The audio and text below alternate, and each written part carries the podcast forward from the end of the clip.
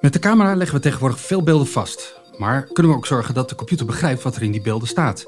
Daar gaan we het vandaag over hebben in deze aflevering van de podcast Toekomstmuziek. Over IT-onderwerpen die binnenkort een belangrijke invloed kunnen hebben op onze maatschappij. Ik ben Thijs Doornbos, redacteur bij AG Connect.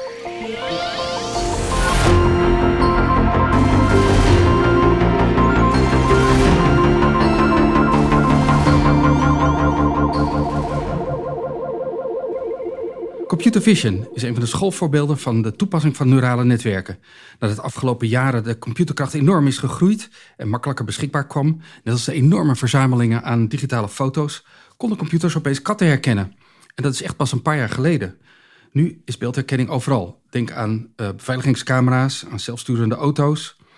Toch zijn er nog voldoende uitdagingen, zeker met bewegend beeld. Ik spreek daar zo over met Arnold Smulders. Hij is emeritus hoogleraar en initiator van verschillende nationale onderzoeksprogramma's. En hij is ook nog ondernemer. Veel wat hij doet draait rond het thema computer vision. Een van de toepassingsgebieden daarvan is de medische zorg. Er zijn echt heel veel ideeën over hoe bijvoorbeeld een chirurg geholpen zou kunnen worden met een goede beeldanalyse. Veel van die briljante ideeën sterven echter in schoonheid en bereiken de behandeling van de patiënt helemaal nooit. Dat is de grote frustratie van Joost Huiskens. Hij is gepromoveerd arts en werkt nu bij SAS Juist om die kloof te dichten tussen techniek en praktijk. Mensen kunnen heel goed beelden herkennen. En de verwachtingen zijn daardoor ook heel vaak heel hoog van mensen. Maar mensen zijn ook heel selectief. De een die kan bijvoorbeeld 100 hondenrassen uh, moeiteloos onderscheiden. Terwijl de ander bakt daar helemaal niks van. Maar die weet bijvoorbeeld misschien wel weer heel veel van uh, verschillende soorten theekopjes. We verwachten echter dat die computer wel alles kan herkennen. En ja, zover zijn we echt nog niet. Maar de techniek is wel zover dat de computer inmiddels 20.000 objecten in een willekeurig plaatje kan herkennen. En zelfs beter dan dat de mens dat kan. Welkom professor Smulders. Uh, zit er nu echt veel verschil tussen het herkennen van objecten die in een stilstaand beeld staan en die in een bewegend beeld zitten? Uh, voor objecten niet, want objecten zou je typisch doen per beeld. maar over het algemeen geldt dat stilstaande beelden, dan uh, concentreer je op de dingen. En daar zijn er. Uh, een gemiddeld mens heeft ongeveer 20.000 woorden nodig om uh, uit te drukken wat hij om zich heen ziet. En specialisten gebruiken dan nog 1000 of 2000 heel specialistische woorden. Maar al die dingen die kunnen we wel van elkaar onderscheiden op hetzelfde niveau als de mens of beter met een computer. Vandaag de dag en vijf jaar geleden was dat nog niet zo. Dus dan ben je eigenlijk al op het niveau wat, wat een mens normaal ook zou kunnen. Ja, Klopt niet, dus alleen, niet helemaal wat ik net zei. Ja, niet alleen de mens, maar zelfs zeg maar wat 99 van, procent van alle mensen samen ook uh, kunnen. Oh ja, oké. Okay. Dus ja. alleen dan superspecialistische dingen of dingen die notoir heel moeilijk zijn. Uh, dat is dan nog de ene procent die dan blijft steken. Daar zou je dan nog apart op moeten studeren. Op uh, tinten, uh, tinten van een verfkleur uh, of uh, fouten in tapijt wat met 30 km per uur in de fabriek voorbij komt. dat, ja. dat vergt een training, daar, daar kan een computer niet zomaar tegenop. Ja. Maar het interessante is dat als je een reeks hebt, een beeldreeks zoals video, ja. dan is eigenlijk um, dat is eigenlijk makkelijker dan een stilstaand beeld voor dingen, omdat je uh, alles wat samen beweegt is één ding. En dat is een van de moeilijkste opdrachten aan een computer. Van wat hoort nou samen tot één ding? Als je een plant hebt, bestaat het zoveel verschillende vormen. Dat je niet precies weet wat er nou precies bij de plant hoort en wat niet. Uh, maar als het beweegt, als het samen beweegt, dan weet je dat wel. Alles wat samen beweegt, laten we dat even één ding noemen. Ja. Maar met een bewegend beeld kan je ook uh, acties uh, onderscheiden. Dus de zelfstandige naamwoorden die zijn van de dingen, van uh, losse beelden. En de werkwoorden zijn van beeldreeksen over het algemeen. Ja. Uh, er zijn natuurlijk handelingen zoals uh, lopen, die kan je ook in één beeld wel redelijk detecteren. Maar vele andere dingen, die, daar heb je echt een, een beeldreeks voor nodig. Ja, ja. Dus beeld is, reeksen zijn makkelijker omdat het meer data is. Alleen de computer moet harder werken. En uh, je moet meer data opslaan, dus het is typisch nog niet helemaal onder controle. Maar over vijf jaar uh, geldt, het, geldt mijn statement.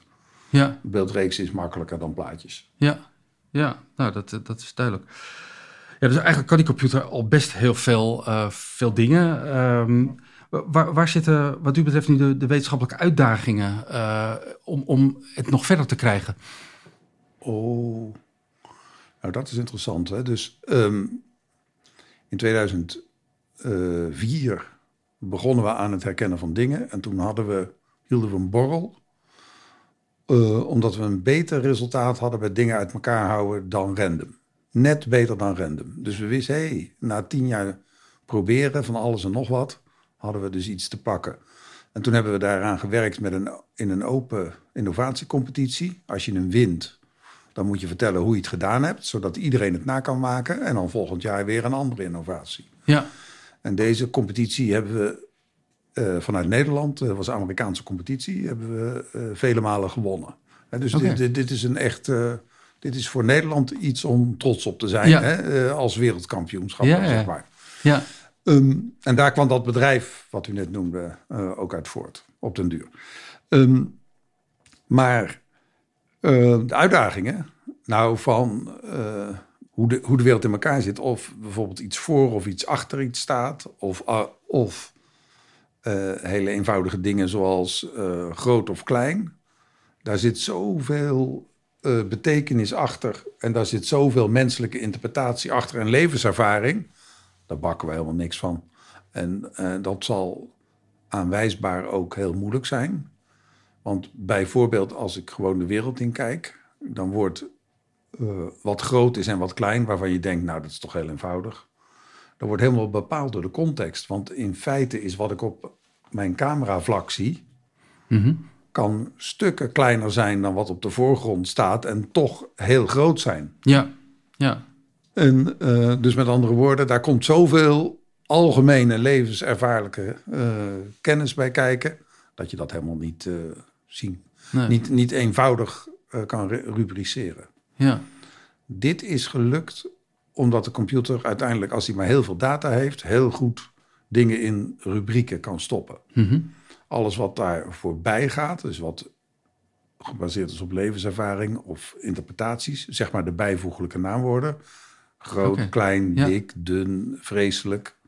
Vreselijk, de computer heeft werkelijk geen enkel Nee. idee.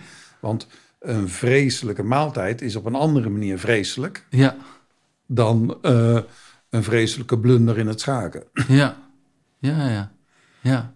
Dus dat, dat is een, nog een oneindig groot probleem. Waar eh, nog heel voordat de computer op dat niveau aankomt. Hij kan dingen in hokjes stoppen. Ja. En eh, ik kan me voorstellen dat dat niet alleen bij computer vision geldt, maar eigenlijk ook nog veel breder. Hè? Ja. Je, je komt dat, dat, dat dilemma, denk ik, in veel meer dingen tegen aan nou eh, is het voor interpretatie. tekst. Hè, daar zijn we ook Ja. heel goed in de dingen in Mhm. hokjes stoppen. Zakelijke tekst. Gaat over de wet. eh, eh, weet dat, slecht geschreven, goed geschreven. Dat is makkelijk, relatief makkelijk. Ja, Maar ehm, daarvoor geldt dat als je dat de taal al aanwezig is in de tekst, dus je kunt al dichter aansluiten bij vreselijk. ja, Want als dit niet vreselijk, het woord vreselijk zelf niet voorkomt, maar eh, synoniemen of het lijkt op dingen die andere mensen in andere teksten ook vreselijk noemen, kun je hier ook wel een, een label vreselijk op noemen. ja. En daarom is tekst voor dit deel is, eh, Makkelijker. is, ja. is eh, Iets- meer onder controle, laat ik het zo zeggen. Ik kan me ook voorstellen dat, dat de context anders is. Bij Ja. tekst eh, Ja. ben je natuurlijk, is, het, is het meer afgeperkt. Wel, een beeld vat natuurlijk gewoon de wereld om ons heen eh, vaak samen. Maar tussentalen, hè, dat, is, eh, dat is ook nog een heel, vooral als talen niet, met name waar de ene taal categoriseert en de andere doet het op een andere manier. Ja, Dat, dat is heel ingewikkeld. Dus in zijn algemeenheid geldt dat als de menselijke interpretatie eh, of de menselijke levenservaring eh, een rol speelt, nou dan is de computer nergens. ja, ja. ja. Nou heeft u veel gewerkt aan, aan beeldherkenning in, in de diagnostiek. Hè? In eh, het herkennen van ziektebeelden, bijvoorbeeld Ja. bij eh, dermatologen. Ja. Eh, was het altijd makkelijk in, in dat traject om eh, die technologie algemeen geaccepteerd te krijgen? Nee. nee. Maar dat is op zich ook natuurlijk. Eh, het is redelijk dat uh, dokter uh, eerst uh, zeggen van... ja, sorry, het is hartstikke leuk wat je allemaal aan het doen bent. Maar het belang van mijn patiënt staat voorop. Hè? Dus het moet eerst, je moet eerst de, echt grondig demonstreren dat het beter werkt. Dat is een heel redelijke eis. Mhm. En daarbij komt nog de gebruikelijke beroepsweerstand in alle beroepen. Van ik ben zo leuk bezig en dan kom jij me vertellen dat, dat dat niet zo is. Ja, ja. En die twee elementen zitten natuurlijk ook, eh, ja, niks menselijks is ook doktorenvreemd. Ja. Dus, eh, dus beide elementen zitten ook in de, in de medische stand, laten we zeggen, in gelijke mate. Ja, ja Want- precies. Eh, de, tijdens mijn leven is, zijn de verhoudingen binnen het ziekenhuis aanzienlijk veranderd. De radiologie was veel minder belangrijk toen ik begon. Er staat nu in het centrum van vrijwel elk ziekenhuis. Hè? En dat zie je ook terug in, in de, in de salarissen. eh. En dat is ook niet onredelijk natuurlijk. Maar die, ehm, dus ook binnen de medische stand verschuift het wel naar van een beetje de klinische blik naar eh, meten is weten. En de vrije opdracht naar de protocolaire geneeskunde, die eigenlijk ook van de vorige generatie AI is afgekeken. Namelijk, kan ik het in een regel vangen, dan gaan we dat ook doen. Ja, En dan doen jullie nog de waarneming. En dan helpen de regels, die helpen dan om je te herinneren aan, eh, aan alle mogelijkheden die er zijn. Nou, dat, deze revolutie die we nu meemaken, die gaat over eh, dit zouden die diagnoses eh, kunnen zijn. Die gaat dan weer een stap verder, want dan gaan we de waarneming ook aan de orde stellen van zou het dit kunnen zijn. Er is geen systeem dat ingevoerd gaat worden waarbij de controle geheel eh, uit Nee. handen wordt gegeven. Dat kan, zie ik niet. nee. Zie ik niet voor me. Je houdt natuurlijk toch altijd de uitzonderingen die, die- ja. Maar bovendien, je- Ja. je wil uiteindelijk ook... Want die open-ended vragen Mhm. van... eh, ja, die meneer kan het wel hebben, maar gaat zijn kwaliteit van leven... dat wordt steeds belangrijker. Mhm. En dat wordt steeds, eh, komt, eh, blijft op het bord van de arts liggen. Ja. Onder het motto... Ja, Eh, als ik doodziek word, dan word ik graag behandeld door een arts, Ja. niet door een computer. ja. Nu is beeldherkenning eh, wel heel sterk in opkomst. Ehm, eh, ja, we zien het inderdaad op, op allerlei vlakken. Waar ziet u ja, binnenkort nog onverwachte toepassingen van? of zijn er nog onverwachte toepassingen? Nou, dit was heel interessant, omdat dus eh, beeld is zo dicht bij ons dat we het heel mo- moeilijk eh, kunnen voorstellen. Maar als je dus, stel, je zou eh, administratie doen in een restaurant. ja, wat je ook kan doen is bij de keukendeuren naar buiten hou je een, hang je een camera op en die, en die kijkt naar alle borden die voorbij komen. En als dat de automatische. eh, dat stop je in categorieën. En eh, misschien zelfs ook categorieën van goed, matig of slecht. eh, en, maar in ieder geval krijg je dan gratis de administratie. Hoef je geen administratie meer te doen. Ja, En dus iedereen, elk probleem wat te categoriseren valt, waar data voor zijn, wat een gesloten wereldbeeld oplevert, dan kan je eigenlijk met de computer, als je even de tijd ervoor neemt, eh, beter. En dat hoeft daarna, de operationele kosten, hoeven niet heel ingewikkeld te zijn. En dan, maar goed, ik, ik geef nou een voorbeeld van een restaurant, maar dat geldt Ja. voor elke eh, vorm van eh, visuele controle aan het eind die je vaak met één blik doet. Of je kan, eh, als je wil weten hoe de tuin eh, ervoor staat. Mijn vrouw dringt al jarenlang aan dat ik een programmaatje maak. eh, wat dan daarna gaat vertellen aan de hand van de tabel die zij heeft. waar welke plant moet komen, zodat het het hele jaar door bloeit. oh ja. Niks moeilijks aan. Gewoon afstudeerwerk, zou ik zeggen. Oké, maar is er ook gekomen? Nee, nee, natuurlijk niet. Nee, nee het, is, het is essentieel in het leven dat je sommige verlangens niet, Niet. eh, vervult. Want dan blijft er wat te verlangen over. Ja, ja. Dan komen, ja, met al die camera's die we, die we ophangen, eh, ja, komt er natuurlijk ontzettend veel in beeld. Eh, ja, Ja. dat, dat zie je natuurlijk overal om ons heen. Ja. Ehm, ja, dan, dan is privacy natuurlijk wel een, eh, een ding wat, wat ja, een probleem op gaat leveren. Ehm, ziet u dat ook zo? En, en hoe, zou dat, ehm, ja. hoe zou je daar een oplossing voor kunnen vinden? Nou, dat is een ernstig probleem. En dat wordt onderschat. Dus ehm, in Engeland zijn ze bijzonder tukken op uh, van dit soort camera's en zo. Hè? En, uh, en die bewijzen ook hele grote diensten bij mensen die aanslagen plegen op de metro. Mm Daar hebben we dus uh, 10.000 uh, mensuren hebben ze al die beelden zitten volgen totdat ze uh, twee mensen konden vinden. En dan wisten ze waar ze vandaan kwamen en die zijn ook opgepakt. Oké, ja. Uh, en dat kan je natuurlijk met een computer veel beter. Maar het is van essentieel belang, behalve zulke soort extreme situaties die voorbehouden zijn aan de staat, dat je, dat je de privacy van mensen niet steeds verder terugbrengt. En dat is onvoldoende zo. En een van de dingen die je eraan zou kunnen doen, uh, zou kunnen wijzigen, is um, je zendt alleen maar beelden uit. Je verplaatst de analyse naar de camera. Mm -hmm.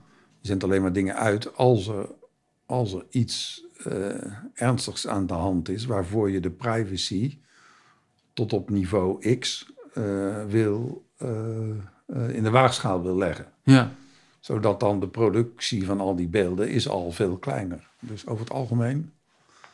Uh, en dan is er nog een ander aspect aan privacy. Er zijn nog veel aspecten aan privacy, maar bijvoorbeeld de naam doorstrepen in een dossier, dat heeft vaak helemaal geen zin als je alle andere dingen van de betrokkenen ook weet. Ja, dan kun je het gewoon terug herleiden. Dan kun je het gewoon ja. terug herleiden. En Google en Facebook weten zoveel van mensen, ja. inclusief uh, uit het beeldmateriaal wat ze gratis opgestuurd krijgen, dat ze uh, uh, daar, dus aan deze accumulatie van data, zou je ook echt iets moeten doen. Want zij weten meer van de mensen dan overheden, zeg maar. Ja. En dat is helemaal niet terecht dat dat in private handen is. Ja. ja. En dus dan geven, dat geven wij in handen van een gebleken nerd. Nou, ja. zou ik persoonlijk zelf, vind ik geen goed idee. En, en zo zijn er. Het, is, maar het, het brengt een probleem met zich mee van een complexiteit. Waar rechte mensen op studeren, maar dan vaak zonder dat ze iets van de technologie weten. Zoals in Europa nu nog het geval is. Ja. Of mensen zonder dat ze iets van uh, het juridische systeem weten. Of gewoon gedreven door hoe mooi het allemaal is wat ze hebben gemaakt. Ook, hè, komt ook ja. voor. Ja, zeker.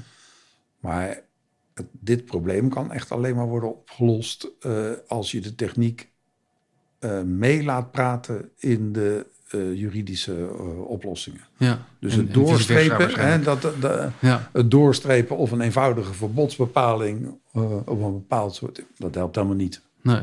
nee. En overigens vind ik zo, de, aanvankelijk was het een ander aspect hierbij is dat als je dus uh, vijf jaar geleden, als je intypte drie heren bij Google, dan kreeg je drie witte heren. Hm. En als je dus drie zwarte heren, dan kreeg je drie uit de gevangenis. Hè? En, ja. en daarvan kun je natuurlijk zeggen, ja, maar dat is de realiteit. Hè? Want wij, uh, ons algoritme past zich niet aan aan wit of zwart. Maar daar, vind, daar heb ik zelf een andere mening over. Uh, het feit dat, Google zo'n dienst aanbiedt, uh, brengt ze ook in de maatschappelijke verantwoordelijkheid om uh, dan een zuiver antwoord op te geven. Ja. Niet discriminerend antwoord op te geven. Ongeacht of het algoritme daar nou wel of niet uh, anders in werkt. Dus met andere woorden, of, of je het weer terugschrijft naar de data. Ja. Nou, Ja. dat, Ja. daar zie ik gelukkig wel eh, ontwikkeling. een ontwikkeling in. Hè? En dan zie je eh, ook dat het antwoord komt uit eh, de techniek, niet uit eh, Ja. het regeltje. Ja, ethiek en, en privacybescherming bij eh, computer vision is een onderwerp waar je nou, makkelijk volgens mij een hele podcast mee zou kunnen vullen. Dat eh, moeten we misschien nog maar eens een keer doen eh, binnenkort. Eh, maar ik wil ook graag het verhaal horen van Joost Huiskens over hoe zo'n computer vision toepassing in de medische praktijk zijn weg vindt en de uitdagingen die daarbij komen kijken. Hartelijk dank, professor. Achter de microfoon zit nu Joost Huiskens. Hij werkt veel aan toepassingen van onder meer computer vision, die chirurgen assisteert bij verschillende operaties. Dag Joost, welkom. Hoi. Uh, bij SAS bouw jij als gepromoveerd arts en industrie-expert de brug tussen data analytics enerzijds en de dagelijkse klinische praktijk anderzijds. We gaan het daar zo in wat bredere zin over hebben. Maar volgens mij hebben jullie recent een project gedaan, volgens mij zelfs een hackathon mee gewonnen. Zou je een beetje uit kunnen leggen hoe die videoanalyse de chirurg zou kunnen helpen? Ja, nou ja, bedankt. En um, um, ja, we hebben wij doen allerlei projecten uh, rondom computer vision. Uh, vaak beeldanalyse, bijvoorbeeld radiologische beelden en ook beelden van de patholoog. We hebben recent inderdaad een project gedaan, dat was wel, vond ik ook wel heel gaaf. Dat was videoanalyse. En dat hebben we gedaan om een chirurgische operatie, om die, die veel gebeurt, om daar ja, die, die, die beelden die je ziet. Het is een kijkoperatie met een cameraatje zeg dat maar op een stokje. Hè? Dat is, dat, dat, zo, heet, zo heet dat. Een kijkoperatie noemt men dat in de volksmond. Maar eigenlijk is het zo dat je niet meer hele grote snee maakt. Maar met een klein sneetje een cameraatje naar binnen brengt. En een ander sneetje ja, een, een schaartje of een, iets anders naar binnen brengt om de operatie uit te voeren. En uh, ja, die beelden die kan je ook analyseren. En wat dat is ook heel belangrijk, want die chirurg moet natuurlijk precies weten wat hij doet. Op basis van alleen uh, wat hij op een beeldje ziet. Nou, 100 procent. En, en, maar die beelden zijn ook gewoon data. En die, die kan je dus ook gebruiken om, om, om analytics op te doen. En, en, en eventueel een chirurg te helpen bij zijn, uh, bij zijn werkzaamheden. En, en nou, dat hebben we geprobeerd te doen bij die hackathon. hebben we mooie resultaten ingeboekt inderdaad. Ja, ja. Want dan ging het ook vooral om de veiligheid, begreep ik. Hè? Dat, uh, je, je kunt daarmee de veiligheid enorm verhogen. Ja, nou, er zijn denk ik allerlei toepassingsgebieden voor videoanalytics rondom chirurgie. Um, wat ik leuk vond is dat dit hebben we gedaan met het Amsterdam Skills Center. En die zijn ook heel erg bezig met het opleiden van chirurgen. Nou, je moet weten dat op dit moment, hè, tot, tot nu toe, worden, is, het eigenlijk, is, het, is, het, is het opleiden van chirurg is aan de hand van, uh, van een ervaren chirurg. Hè? En dan, dan de leerling staat aan tafel bij de patiënt. En uh, zo is het altijd gegaan en dat is op zich prima. Maar je kan je ook voorstellen dat je zegt van nou ja, bepaalde dingen die moet je niet leren bij levende patiënten, maar dan kan je beter ja, in een andere setting doen. Nou, dat is waar het Skills Center heel veel um, op inzet. En je kan je ook voorstellen dat als je een kijkoperatie in zo'n lerende setting doet, dat je ook weer met analytics dingen kan doen van goh, hoe goed doet die chirurg het? Een hele belangrijke stap in een operatie. Um, hoe gaat dat? Um, je kan misschien zelfs voorspellen dat als die bepaalde handelingen doet, dat je al weet, nou, dat gaat niet goed komen met die patiënt. Nou, dat, dat zijn dingen die kan je proactief, terwijl je de video analyseert, teruggeven aan een chirurg. Ja, in een lerende setting. En nou, later natuurlijk ook echt bij de daadwerkelijke operatie om, om uiteindelijk gewoon de zorg te verbeteren. Ja, ja interessant. Ja, heel erg. Ja, en, en uh, ja, nou, beeldherkenning in de medische praktijk bestaat natuurlijk al wel wat langer, hè, maar uh, zou je daar iets over kunnen vertellen? Uh, zie jij het belang van beeldherkenning in de medische praktijk toenemen korte tijd? Ja, dat vind ik wel een goede vraag. En um, wat je ziet, ik denk dat het belang zeker uh, toeneemt. Er zijn ook wel een aantal voorbeelden dat het echt gebruikt wordt, met name binnen de dermatologie, hè, waarbij er van die appjes zijn waarbij je foto's kan nemen van een moedervlek waar, waar, waar je misschien zorgen over hebt. En dan zegt die app, mhm. nou, ga toch maar naar de dokter. Dat bestaat al. Um, tegelijkertijd zie je ook dat er heel veel mogelijk is. Hè, met, dus je hebt allerlei oplossingen die bijvoorbeeld op een CT-scan of op een longfoto zeggen van nou, er zit mogelijk iets kwaadaardigs de, de, om, om de dokter te ondersteunen, om hem, om hem nog beter te maken in het doen van zijn werk. De pathologie, dat, hè, dat is de dokter die naar het weefsel kijkt onder de microscoop. Nou, daar zijn ook allerlei toepassingen van. Toch zie je dat er op dit moment veel meer wordt gepubliceerd over wat er mogelijk is maar er wordt nog niet zoveel gepubliceerd over hoe het ook daadwerkelijk in de praktijk een positieve bijdrage levert. En, en waar zit dan het knelpunt daarin? Want... Ja, dat is denk ik een, nog betere vraag. Nou ja, ik vind dat altijd. Ik, wat ik altijd zeg is: ik heb zeker niet de waarheid in pacht. En, en als, ik, als je zegt van wat zijn nou de uitdagingen om, om dingen van uit dat innovatie, uit dat onderzoeksdomein echt richting klinische implementatie te brengen? Er zijn er best wel een aantal perspectieven die, die meegenomen moeten worden. Um, ik noem dat het proces van het in productie brengen. Mm Kan je voor, ik, een mooie metafoor is altijd, als je een medicijn hebt ontwikkeld en je hebt helemaal aangetoond dat het werkt, en het is bijvoorbeeld een, een, een drankje, dan kan je toch niet de volgende dag aan patiënten geven, want je moet dan ook ja, flesjes regelen en stickers voor op de flesjes en misschien iets van een systeem als iemand een allergische reactie krijgt, dat dat geregistreerd moet worden. Allemaal vereisten om dat drankje bij die patiënt te krijgen. En dat is denk ik met analytics en met computer vision net zo. Dus als je een algoritme hebt wat bijvoorbeeld kan zien op een CT-scan dat de chemotherapie niet heeft gewerkt of wel heeft gewerkt, of op een longfoto dat daar een heel, toch wel een verdacht plekje zit. Ja, dan moet er toch wel het een en ander gebeuren voordat je dat ja, in het proces van een arts die er dagelijks mee moet werken, ingeregeld hebt. En dan heb je het over technologie, maar je hebt het ook over de ziekenhuisorganisatie die dat, die dat netjes moet beheren en die zich moet er ook kunnen verantwoorden. Maar je hebt het ook over wat ik de klinisch wetenschappelijke validatie. Je moet, je, als je het algoritme werkt, moet je het ook aantonen in de praktijk. En dan moet je Mhm. klinisch wetenschappelijk onderzoek doen. Nou, dat zijn Heb je dan net allemaal als bij medicijnen dat je eh, daar zo'n heel toelatingstraject voor moet doen? Of is dat... Ja, die, die, die parallel die is er zeker. Het is wel zo dat dat allemaal, ehm, nou, dat er ook nog wel over nagedacht wordt. Zeker als het gaat om hè, wanneer het algoritme kunstmatige intelligentie is, hoe je dat doet. Mhm. Omdat, ehm, nou, bijvoorbeeld een van de kenmerken van bijvoorbeeld machine learning is, is dat het algoritme beter wordt in het uitvoeren van zijn taak Oh ja, door die taak te doen. ja. Hè? En, maar hoe moet je dat in een wetgevingskader gaan, gaan plaatsen, waarbij Ja. een algoritme misschien op maandag een vlekje herkent op een foto als zijnde niet verdacht, maar omdat hij heel de week allerlei dingen heeft geleerd, op vrijdag wel. Ja, Hè, Dat is hoe die technologie werkt. ja. Nou, en hoe moet je dat nou doen? En hoe kan je daar de verschillende, hè, hoe kan je de, de, de data scientist en de arts en de patiënt, maar ook de ziekenhuis die een bepaalde verantwoordelijkheid heeft, hoe kan je dat daar nou netjes in inregelen? Nou, en daar zie je heel veel in gebeuren.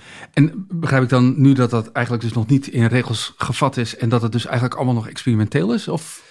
Nou, ook niet. Er zijn zeker voorbeelden van, van eh, oplossingen die al, al goedgekeurd zijn hè, door, de, door, door, de, door de EMA door de FDA, die, dus, de- die gebruikt mogen worden. Ehm, alleen nog niet wat ik, ja, op grote schaal. Ja, ik ben dan hè, ik ben een arts en ik, ik ben uiteindelijk kom ik mijn bed uit om, om patiënten beter te maken. Daar doe ik het voor. En ik heb op een gegeven moment gedacht, als we die analytics echt aan dat bed krijgen, ja, dan gaan we dingen gewoon beter doen en, en, en patiënten beter behandelen.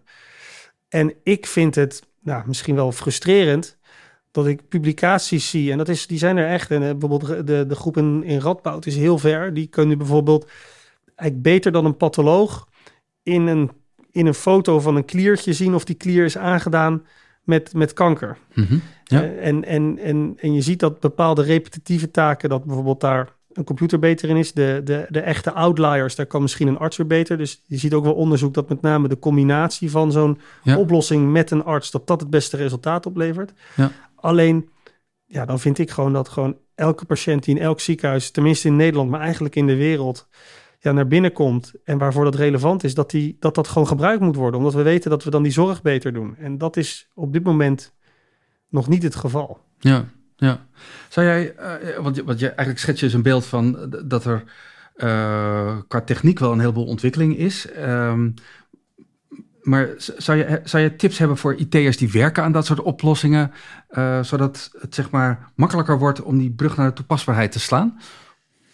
Ehm, nou, ik blijf wel een dokter, dus ik denk wel, wie ben ik om IT'ers tips te geven? Maar ja, een aantal dingen wat ik, wat, ik wel, wat ik wel zou zeggen vanuit, hè, met, met die context, Ja, is dat een arts heeft superveel verstand van patiënten en zorg. En ik denk dat je daar, hè, dat, daar moet je zeker proberen mee samen te werken. Aan de andere kant, een IT'er of een data scientist weet echt meer van IT-technologie en data science en wat daar allemaal bij komt kijken. En het is de uitdaging om die twee werelden samen te laten werken, omdat dat uiteindelijk wel, ja, hoe zou je dat zeggen, levens gaat redden. Ja. En, en dat wil ik IT'ers dan meegeven, is nou ja, zoek die samenwerking op en, en artsen en, en neem artsen serieus in hun domein, maar, maar probeer ook te denken van goh, op een gegeven moment is het wel een IT-aangelegenheid en dan moeten wij aan het roer van staan. ja, En dat, dat, dat is denk ik iets wat, ehm, ja, wat een continu gesprek moet zijn. Dus zoek echt samenwerking op met artsen, ja. waarin je die domeinen probeert samen te brengen.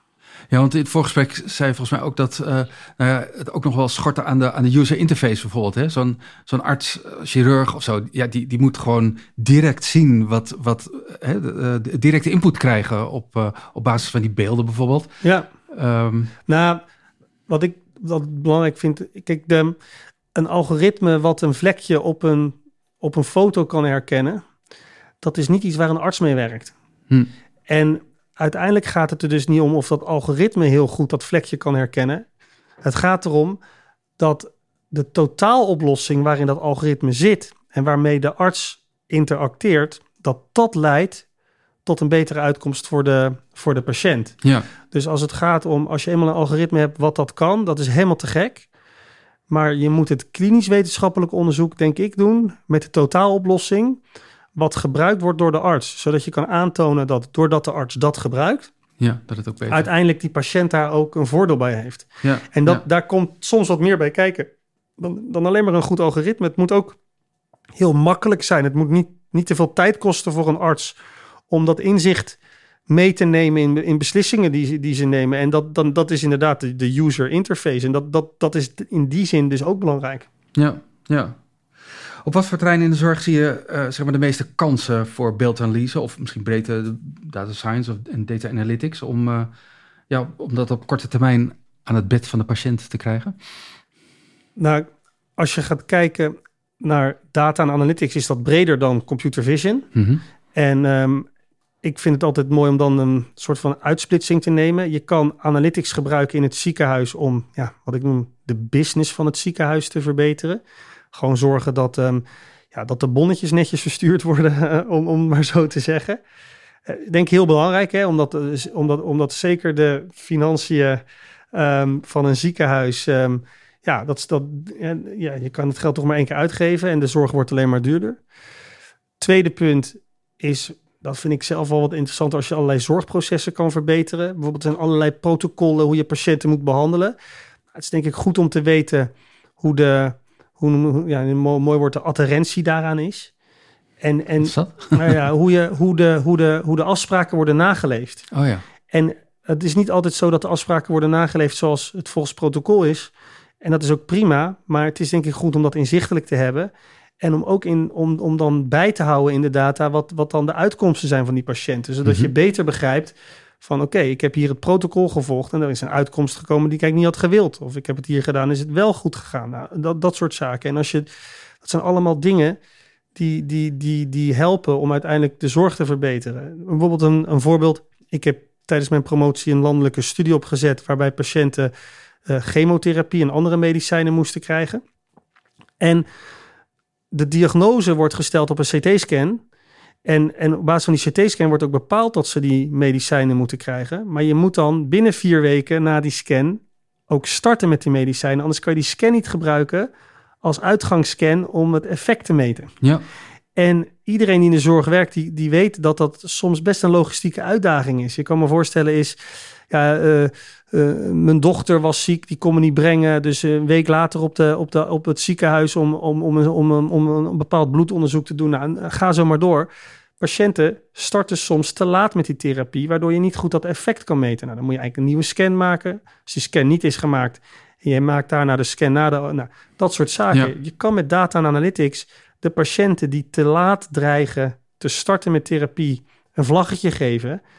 Nou, dat hebben we in een aantal ziekenhuizen gedaan. En dan startte eigenlijk geen patiënt meer te laat met, met behandeling. Ja, ja. Het zijn ja. allemaal van die kleine voorbeelden, mega veel, veel waarde. Ja. Ja, en de derde categorie is als algoritmes echt een medisch apparaat worden. En dat is vaak als je het hebt over een arts gebruikt een algoritme om op een scan te zien Hm. of het kanker is ja of nee. Of een arts gebruikt een algoritme om te bepalen of het zinnig is om antibiotica te starten. Dat, dat, is, dat vind ik het allermooiste. Alleen dat is ook het meest complex, omdat het Ja. dan de reguleringseisen dan heel hoog worden. En dat moet je Ja. wel allemaal meenemen. Ja, ja. Nou, ik begrijp dat er echt nog heel veel komt kijken vanaf het moment dat, eh, dat technici eh, een mooie technie- techniek hebben ontwikkeld. Eh, dank dat je ons daarin mee wilde nemen. Eh, ja, we spraken vandaag over computer vision met emeritus hoogleraar Arnold Smulders en met Joost Huiskens, die bij SAS werkt aan het toepassen van verschillende technologieën in de medische praktijk. Hartelijk dank voor het luisteren naar deze aflevering van de podcast Toekomstmuziek van AG Connect. Vond je het interessant? Kijk dan ook eens door de lijst met andere podcasts van AG Connect. Ook kun je op de site www.agconnect.nl meer artikelen vinden over dit onderwerp. Ben je nog geen abonnee? Dan is daar ook de mogelijkheid om een gratis proefabonnement af te sluiten. Tot de volgende aflevering.